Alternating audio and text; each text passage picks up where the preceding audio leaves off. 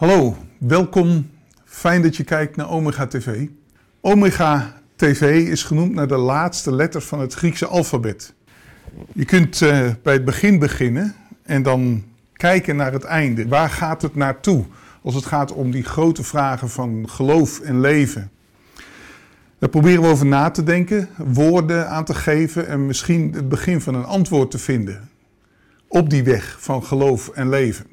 Maar voordat we dat gaan doen, wil ik je eerst voorstellen aan de gasten hier bij mij aan tafel.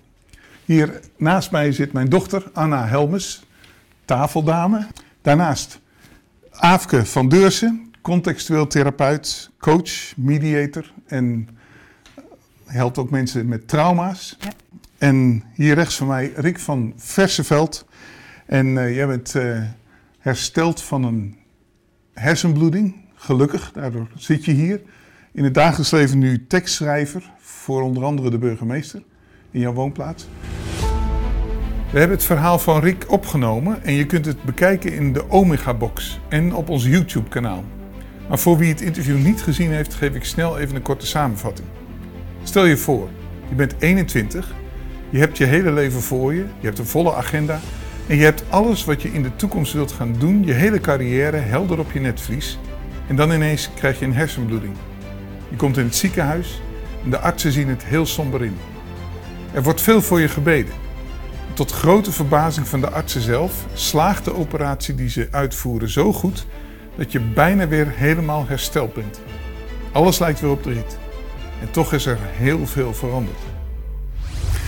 Rick, je leven ineens totaal veranderd. Ik, eh, als ik me probeer voor te stellen hoe dat voelt, help me eens.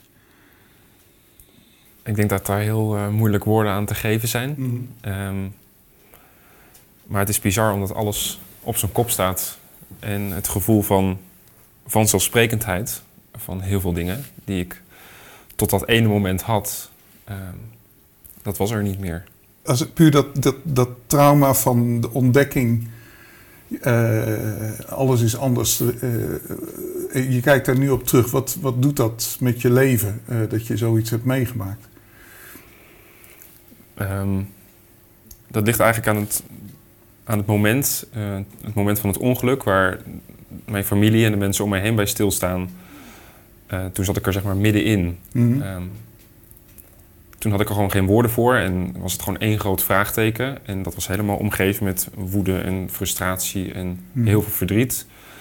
Um, in de periode daarna, bijvoorbeeld in de tijd van revalidatie, kon ik dat al ietsje meer loslaten. Maar mensen die om je heen en de artsen natuurlijk heel erg zijn gefocust op het medische gedeelte. Ehm, maar eigenlijk begint het pas daarna, als je ontslagen wordt uit het ziekenhuis met een enorme felicitatie. Ehm, toen kwam ik thuis en toen dacht ik, ja, maar wat moet ik nu? Want alles wat ik geleerd had tijdens, uh, tijdens de revalidatie in een hele steriele kamer, uh, allemaal theorie, um, dat botste gewoon met de werkelijkheid, want dat is, ja, dat is altijd anders. Ja. Hey, um, Anna, ik vind het beangstigend toch als iemand zoiets overkomt. Zeker. Um, denk jij wel eens na over zulke soort rampen die je zouden kunnen overkomen, waar je geen controle over hebt? Um, ik, ik doe dat liever niet helemaal niet als het gaat om jou, mijn eigen dochter. Maar... Nee, ik denk dat ik het voor mezelf niet heb. Dus dat ik niet denk over wat mij zou kunnen gebeuren, maar eerder inderdaad wat mensen die ik lief heb zou kunnen gebeuren. Mij, dus. Ja, dus uh, um, ook omdat als ik bij mezelf denk, dan denk ik vaak, nou ja, in een extreem geval, ik ben bijvoorbeeld niet per se bang voor de dood, omdat ik weet waar ik heen ga. En, maar iemand verliezen, dan moet je er nog mee leven. En dan heb je er in die zin, nou ja, het is eigenlijk een beetje egoïstisch, want je hebt er dan zelf last van. Maar ik ben vooral gewoon bang inderdaad voor wat er met andere mensen gebeurt. En daar ben ik eerder mee bezig dan mezelf in die zin. Dus een soort leven met het risico dat het mis zou kunnen gaan. Kom jij veel van mensen tegen die daarmee worstelen? Met angst voor wat het onbekende wat je zou kunnen overkomen in je praktijk? Ja, daar kom ik veel tegen. Want wat Rick ook net vertelt over het in controle willen zijn, dat gaat altijd over de toekomst. Ja. Van als ik dit niet doe of als ik dat niet doe, wat dan? Dat is niet in het nu leven. Er zijn natuurlijk veel mensen die leven met die angsten. Maar er zijn ook heel veel mensen die heel veel hebben meegemaakt. Dus die daardoor natuurlijk ook gewoon angstig zijn. Hmm. Heel terecht. En, maar hoe leef je nou op een, op een in jouw uh, perspectief in ieder geval, op een gezonde manier? Want alleen maar naar uh, controle. Uh, nou ja, Rick vertelt zelf, ik ben eigenlijk gezonder nu in hoe ik daarin sta dan wat ik was. Maar alleen maar naïef nee. daarover zijn is ook niet helemaal reëel. Mijn lievelingsboek is De Prediker, die is realistisch. Ik ben niet optimistisch en ik ben niet pessimistisch, maar realistisch. En ik denk dat het reëel is om, uh, om je best te doen. Mijn motto is: ik doe mijn best en God doet de rest. Klinkt een beetje makkelijk, maar dat bedoel ik eigenlijk niet zo. Want dat is wat in ons vermogen ligt. En, en waar, waar het niet meer in je vermogen ligt, daar komt het op aan om het, om het over te geven. Is je, jouw visie, Rick, op God ook veranderd? Um, ja. Ik weet niet of visie het juiste woord is. Nou ja, of uh, is je geloofsleven... Ja, mijn relatie met God is heel anders. Um, Kun je dat beschrijven, het verschil voor en na? Nou ja, ik, ik zeg wel eens, God was um, voor mijn hersenbloeding een hele fijne en leuke bijkomstigheid. En het is nu mijn eerste liefde. En dat zegt alles over prioriteiten stellen. En dus de agenda gaat niet meer uh, boven God. Mm -hmm. Dat is een groot verschil. En wat, wat, omschrijf eens wat jij bedoelt met eerste liefde? Uh... Dat het mijn eerste prioriteit is. Dus als um, alles wat er op mij afkomt, um, dat leg ik eerst bij God. En um, alles wat ik wil, leg ik eerst bij God. Is in jouw geval ook pure noodzaak om een soort van filter te hebben van wat kan ik wel en ja. niet waarmaken. Nou ja, het is inderdaad, uh, nou, je zou bijna kunnen zeggen qua gezondheid een noodzaak. Maar het is qua karakter, weet ik ook gewoon, ook heel verstandig. Mm-hmm. Um, want mm-hmm. anders zou ik er gewoon weer op oude voet uh, vandoor gaan. Dus het houdt mij ook, en dat is de 10% die ik mis, houdt mij ook heel afhankelijk uh, van God. Um, ja, en ik denk, als ik mezelf een beetje inschat, dat dat soms maar goed is ook. Als, als jij om je heen kijkt, dan zie je waarschijnlijk heel veel mensen, heel veel oude Riks rondlopen. Um, ja, en daar heb ik ook heel veel gesprekken over met mijn leeftijdsgenoten, met vrienden, met studiegenoten. Die, en dat gun ik ze, en dat snap ik ook, heel onbevangen uh, in het leven staan en niet te serieus willen zijn.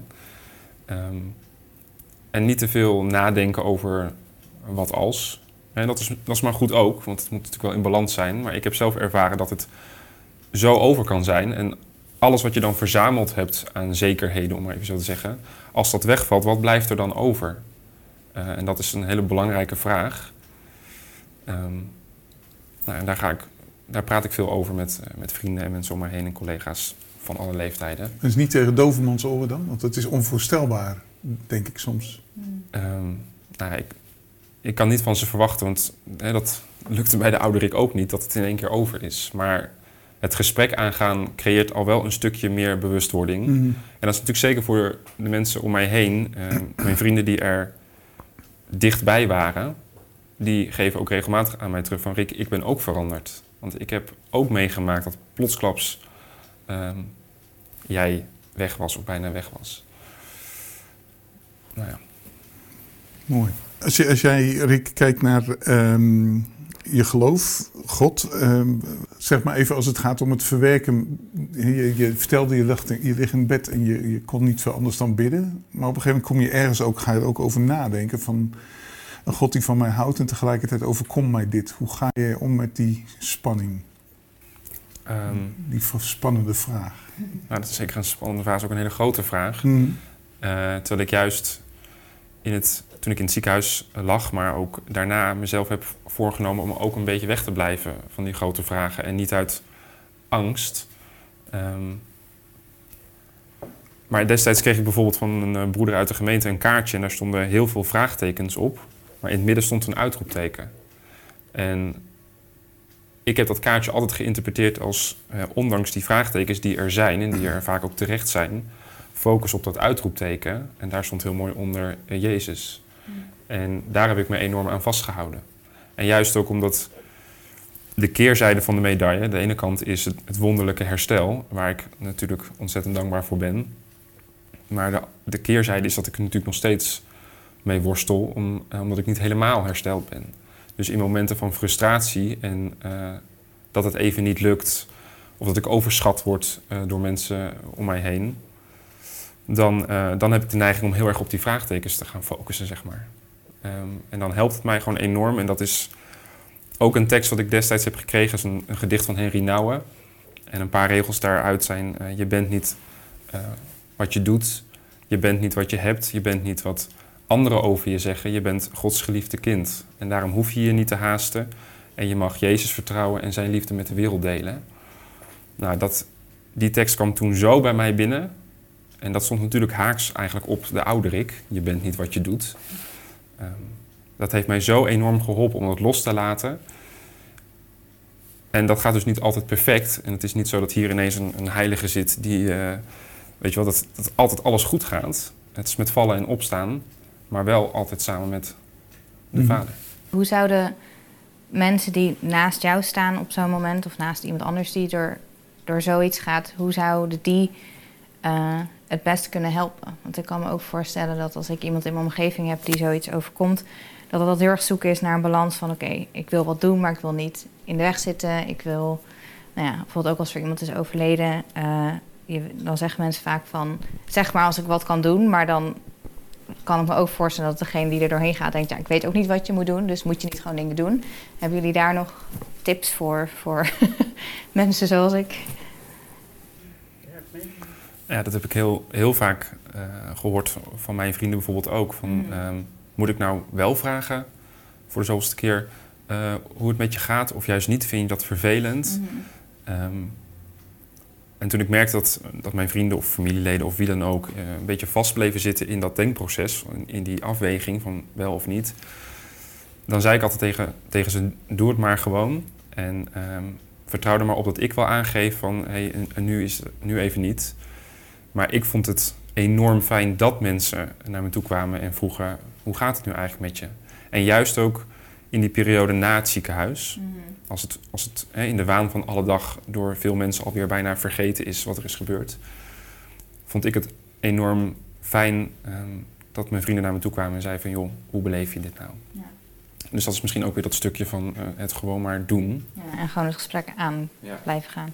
Ja, ik, ik snap wat jij zegt. En, en, en als aanvulling denk ik ook dat er zijn ook mensen die, die dingen meemaken en dan, dan vraagt, vraagt de omgeving wel wat, wat moet ik doen, maar vaak weet iemand dat niet. Mm. Als ze overmand zijn door verdriet of wat, dan weten ze het vaak gewoon Ja. niet. En dan ligt eigenlijk ook de verantwoording bij degene die rouwt. En dat maakt het wel zwaarder. Uh, ik, ik zou gewoon denken, blijf gewoon komen. Uh, je hoeft er niet altijd over te praten, maar gewoon dat je aanwezig bent of beschikbaar bent. Uh, en ook als iemand een antwoord geeft van nu even niet, wil niet zeggen dat het nooit niet meer hoeft.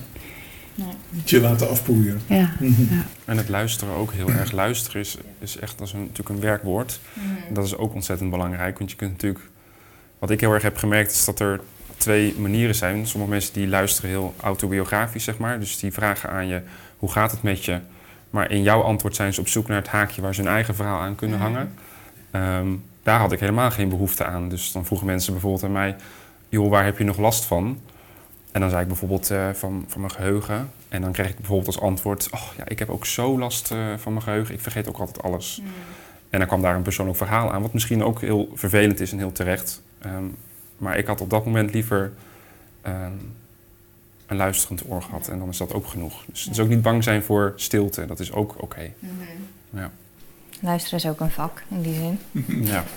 Een vraag houdt me bezig. Hè? Jouw beeld van God. Aan de ene kant, sommigen sommige, uh, zouden misschien zeggen: Oké, alles wat je overkomt is Gods wil. Ik, een liefdevolle vader die he, zegt: Jij bent mijn geliefde kind, wil toch niet dat jij een hersenbloeding krijgt? Aan de andere kant, een God die almachtig is en die jou in jouw kwetsbaarheid kent, die zou dat ook kunnen voorkomen. Hoe, hoe ga jij met dat soort ingewikkelde vragen om? Nu. Hè? De, uh... Nou, als een ingewikkelde vraag. um, parkeren maar. Of... Nee, het is niet, ik, ik, ik, loop er niet voor weg, maar ik heb daar ook geen pasklaar antwoord op. Um, ik dank God niet dat Hij mij een hersenbloeding heeft gegeven. Um, heeft Hij je dat gegeven, denk jij? Weet ik niet, denk niet. Toegestaan? Ehm, maar ik denk wel dat deze dingen gebeuren.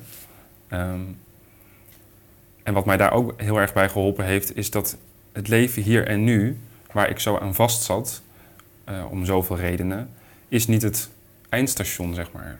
En, en, dat is het besef natuurlijk wat heel veel, nou, dat is denk ik niet leeftijdsgebonden, dat hebben we denk ik allemaal, dat we toch op een bepaalde manier vastzitten aan dit leven, terwijl het eigenlijk nog moet gaan beginnen. Um, ik heb daar ooit wel eens over gelezen. We zitten nu in de generale repetitie, maar de echte uitvoering mag nog gaan beginnen. Um, en dat heeft mij ook geholpen om, om te relativeren. Dus waarom het gebeurd is en hoe precies, weet ik niet. Um, maar ik geloof wel dat God het uh, in mijn geval ten goede heeft gekeerd. Mm. Ondanks dat het dus nog steeds met moeite gaat, voel ik me wel geborgen daarin. Nou, dat is voor mij een genade en dat is meer dan genoeg.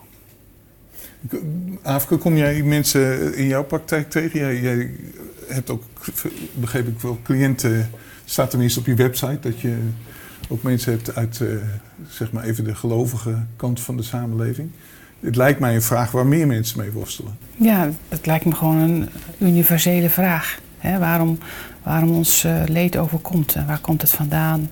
En wat heeft, wat heeft God daar dan mee te maken? Ja, en allerlei variaties uh, ontmoet ik. Er zijn mensen die zeggen dat is een, een straf van God. Ja, dat geeft dan weer andere effecten natuurlijk. Uh, en er zijn ook mensen die zeggen, ja, hoe, hoe kan God dit doen uh, terwijl dit toch liefde is? Ja, dat hangt er ook wel een beetje vanaf hoe je, welke wieg je gelegen hebt en welke, welke gemeente je bezoekt. Dat, dat speelt natuurlijk allemaal een rol. Um, ik, ik ben geen evangelist, ik ben therapeut. Dus ik zoek altijd met mensen naar de zingeving waar zij vanuit leven. En daar probeer ik bij aan te sluiten. En daar uh, probeer ik natuurlijk ook wel eens een beetje wat aan te morrelen. maar. Um... Als jij persoonlijk. Heb jij zelf persoonlijk met die vraag ook wel eens geworsteld? Jazeker. Waar ja. kom jij uit? Ik, ik uh, heb natuurlijk in mijn leven ook uh, grote live events uh, meegemaakt die mij hebben geraakt. En waar ik echt al de weg van kwijt was. En waarvan ik ook wel dacht, ja, nou heb ik er zoveel voor gebeden, maar de Heer God heeft het niet verhoord. Het is niet gebeurd. En ik vind toch wel de grootste uitdaging, als ik voor mezelf mag spreken, om, om me te verzoenen met hoe God het doet. Um, maar ik. Um, ja, dit is maar gewoon één uitzending en daar kun je natuurlijk een hele dag mee vullen. Zoiets. Dus, dus ik geef ook geen compleet antwoord hoor. Maar ik, ik, denk, ik denk heel vaak, het komt erop aan dat je de Heer God vertrouwt. En, en dat doe ik. Ik snap echt niet allemaal wat hij doet in mijn leven. En uh, natuurlijk snap je het toch ook niet. Dat je denkt, ja... Uh, maar ik vertrouw erop dat hij, me, dat hij erboven staat, dat hij mijn leven leidt. En wat ik heel vaak heel troostend vind, hè, dat, dat verhaal van Jozef. Want dan, dan lees je bij uh, die Jozef, die, die wordt dan in die put gegooid. wij lezen dat allemaal even zo in, uh, in tien minuten. Put gegooid. Uh, achter zo'n karavaan aan. Nou, dat was ook niet op een wagen met luchtwielen. hij, hij kwam in de gevangenis. Ze zei die van, nou wil je alsjeblieft aan me denken. Nou, dat dachten ze weer niet aan hem. Toen, dus een heel leven. En dan van allemaal ellende. En dan staat er, God was met hem. Ja, sorry, maar waar dan precies? Is mij niet helder. Maar wij kijken verder, dus wij weten dat Jozef onderkoning werd. Uh, of, uh, en dat de Heere God kennelijk dat in zijn leven gebruikte in zijn plan. Maar ik, ik word helemaal allergisch en akelig en naar van mensen die dat tegen je zeggen als jij zelf in de shit zit. Ik, een ander heeft geen recht om dat te zeggen. Dat vind ik altijd heel griezelig, ook in de gemeente. Ja, God heeft er een plan mee. Ja, joh, hoepel op, joh. Dat, dat, mag je alleen maar zelf zeggen als je er zelf doorheen gekomen bent. En dan, dan kun je zelf formuleren wat de Heer God in jouw leven dan daarmee heeft gedaan. Dat vind, dat vind ik echt een enorme valkuil als ik heel eerlijk ben. Um, zou, zou jij wel zeggen, God is erbij? Ja, dat, ja, absoluut. Maar dan kan iemand die er midden in de shit zit ook zeggen, ja, hoe dan? Ik ga niet zeggen tegen een ander, God is erbij. Want dat, dat vind ik... Nou moet je je voorstellen dat je vreselijke dingen meemaakt. En dan sta ik daar als omstander, ja, God is erbij. Dan zie je een ander toch niet in zijn pijn. En als mensen met jou, wat jij noemt, ook heel leuk hoe je dat noemde, dat luisteren, autobiografisch luisteren, maar die willen gewoon hun eigen verhaal kwijt. Dan word jij niet serieus genomen. Je wordt niet gezien, je wordt niet gehoord. Het heeft niets met luisteren te maken. Um, dus ik geloof in mijn eigen leven dat God daar zeker bij is met wat ik meemaak. Um, maar om dat nou zomaar te zeggen als iemand in, in het diep zit, dat, vind, dat vind ik. Moet je wel je woorden wegen en zoeken wat je zegt. Het kan niet bij iedereen. Nee. Is het dan op een bepaalde manier. Uh, Anna vroeg net: wat moet ik doen in zulke gevallen? En eigenlijk hoor ik jou zeggen: erbij zijn. Is dan ik ben erbij genoeg. In feite. Is dat net zo erg? Of, ja, nee, maar je, zonder je het zegt, je bent er gewoon. Je mm. bent er, je, je, zelfs al zwijg je. Uh. Ja, maar het, het, komt toch ook aan op het, op het met elkaar dan uithouden van dat het een ingewikkelde vraag is waar je op dat moment geen antwoord op hebt. Dat je het daar gewoon eens een beetje mee uithoudt, de ongemakkelijkheid ervan. En niet gelijk, want anders worden woorden heel snel. Uh, ik, ik geloof dat van top tot teen dat God erbij is. Dat geloof ik echt. Maar toch wel voorzichtig zijn met hoe, je, hoe je je uit als iemand midden in de ellende zit. Ja, ja soms had ik ook meer aan. Ehm, als er iemand naast me in bed zat, bijvoorbeeld, uh, die zei: Ik weet het ook niet, Rick. Um, en dan pakte hij mijn hand, maar we zijn er nu samen hier. Dan dat er iemand naast mij in bed een een preek ging houden over een heel theologisch verhaal, waar vast en zeker uh, een kern van waarheid of veel kernen van waarheid in zaten. Maar waar ik op dat moment mee dacht, ja, wat moet ik hier nou mee? Want ik lig hier. Um, dus dat ben ik met je eens. Daar is wel de balans en, en, het evenwicht zoeken en soms ook even loslaten, is ook heel belangrijk. Ja. Ik denk dat het moedigste is, vooral misschien dus voor onze generatie, maar überhaupt mensen in, in het algemeen, om dus te durven toegeven dat we het antwoord niet hebben. Vooral in zo'n nou ja, tijd als nu, waar je overal informatie vandaan kan halen en altijd een antwoord overal op kan vinden, is denk ik durf te zeggen dat je het niet weet. Nou helemaal met geloofsgerelateerde vragen uh, is misschien nog wel het moedigst. En al helemaal als mensen vragen hebben over het geloof überhaupt. En dat ik dan soms moet zeggen tegen niet-gelovigen van ik weet het ook niet, maar inderdaad ik vertrouw. Dat is denk ik de grootste stap of de moeilijkste misschien wel. En dan is het snel ook alles of niks. Hè? Als je het niet weet, dan, mm oké, dan, uh, dan, dan betekent geloof of God ook niks. Terwijl misschien daar geloven begint. Mm -hmm. ja. Gek genoeg. Geloven is juist ook het niet weten, denk ik. Op een bepaalde manier. Want als je het vergelijkt met wetenschap, dat we willen alles weten en we kunnen alles bewijzen. Maar bij geloof, de wind zie je niet, maar je voelt hem. Dus je kan niet alles nou ja, het is vastpinnen. verschillende dimensies lijken het bijna. Hè? Eh, Rick, hoe kijk jij nu naar de toekomst? Goed. Um... Heb je, is jouw gezondheid zo... Het is niet een tikkende tijdbom die nog een keer af zou kunnen gaan? Nee, dus de operatie is goed gegaan. Um, de zwakke plek is weggehaald. Dus in zekere zin zou je kunnen zeggen... de kans is even groot als bij ieder ander. En dus daar maak ik me geen zorgen om. Ik heb dat Word-bestand waarin ik dat allemaal had uitgeschreven. Dat heb ik met heel veel trots uh, gedelete. uh, dus dat is ook weg. En kijk, het is, dat vind ik nog wel goed om te benadrukken. Niet zo dat ik ineens in het andere uiterste ben beland. Um, dus, Wat is dat, andere uiterste?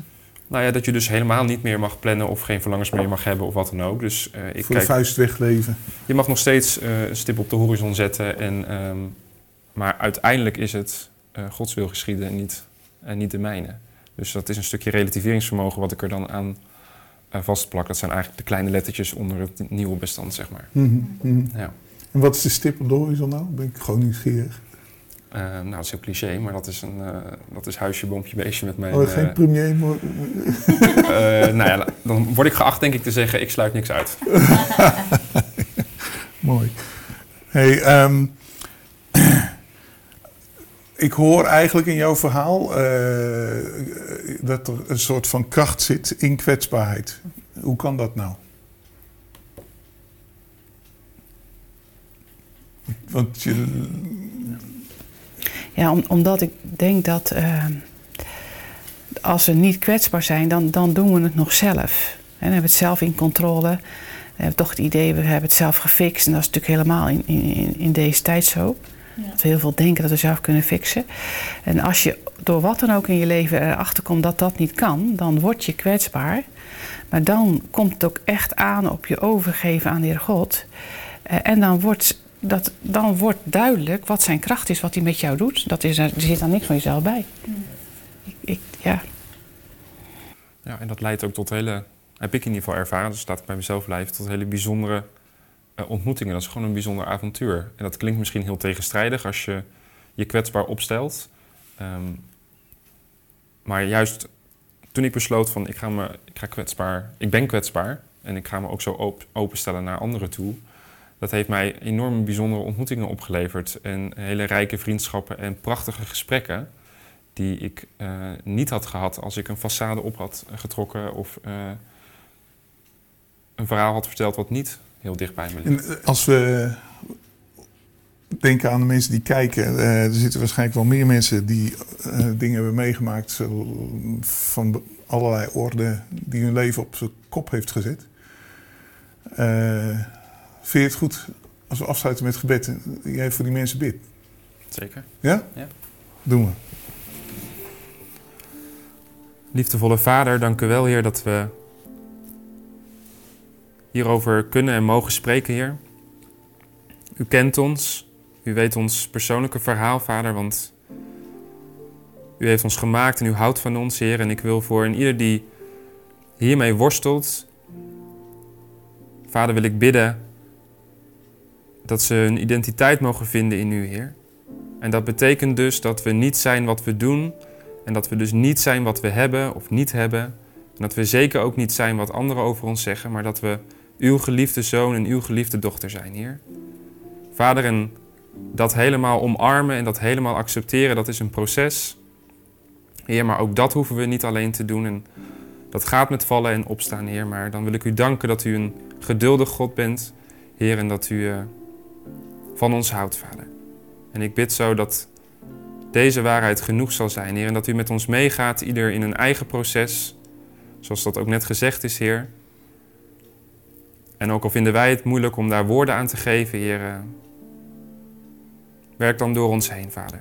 Met uw kracht en uw Heilige Geest, Heer. En dat hebben we nodig. En daar wil ik uw naam voor prijzen, Vader. In Jezus' naam. Amen. Amen. Dank jullie wel. En dank voor het kijken. En ik hoop tot de volgende Omega TV.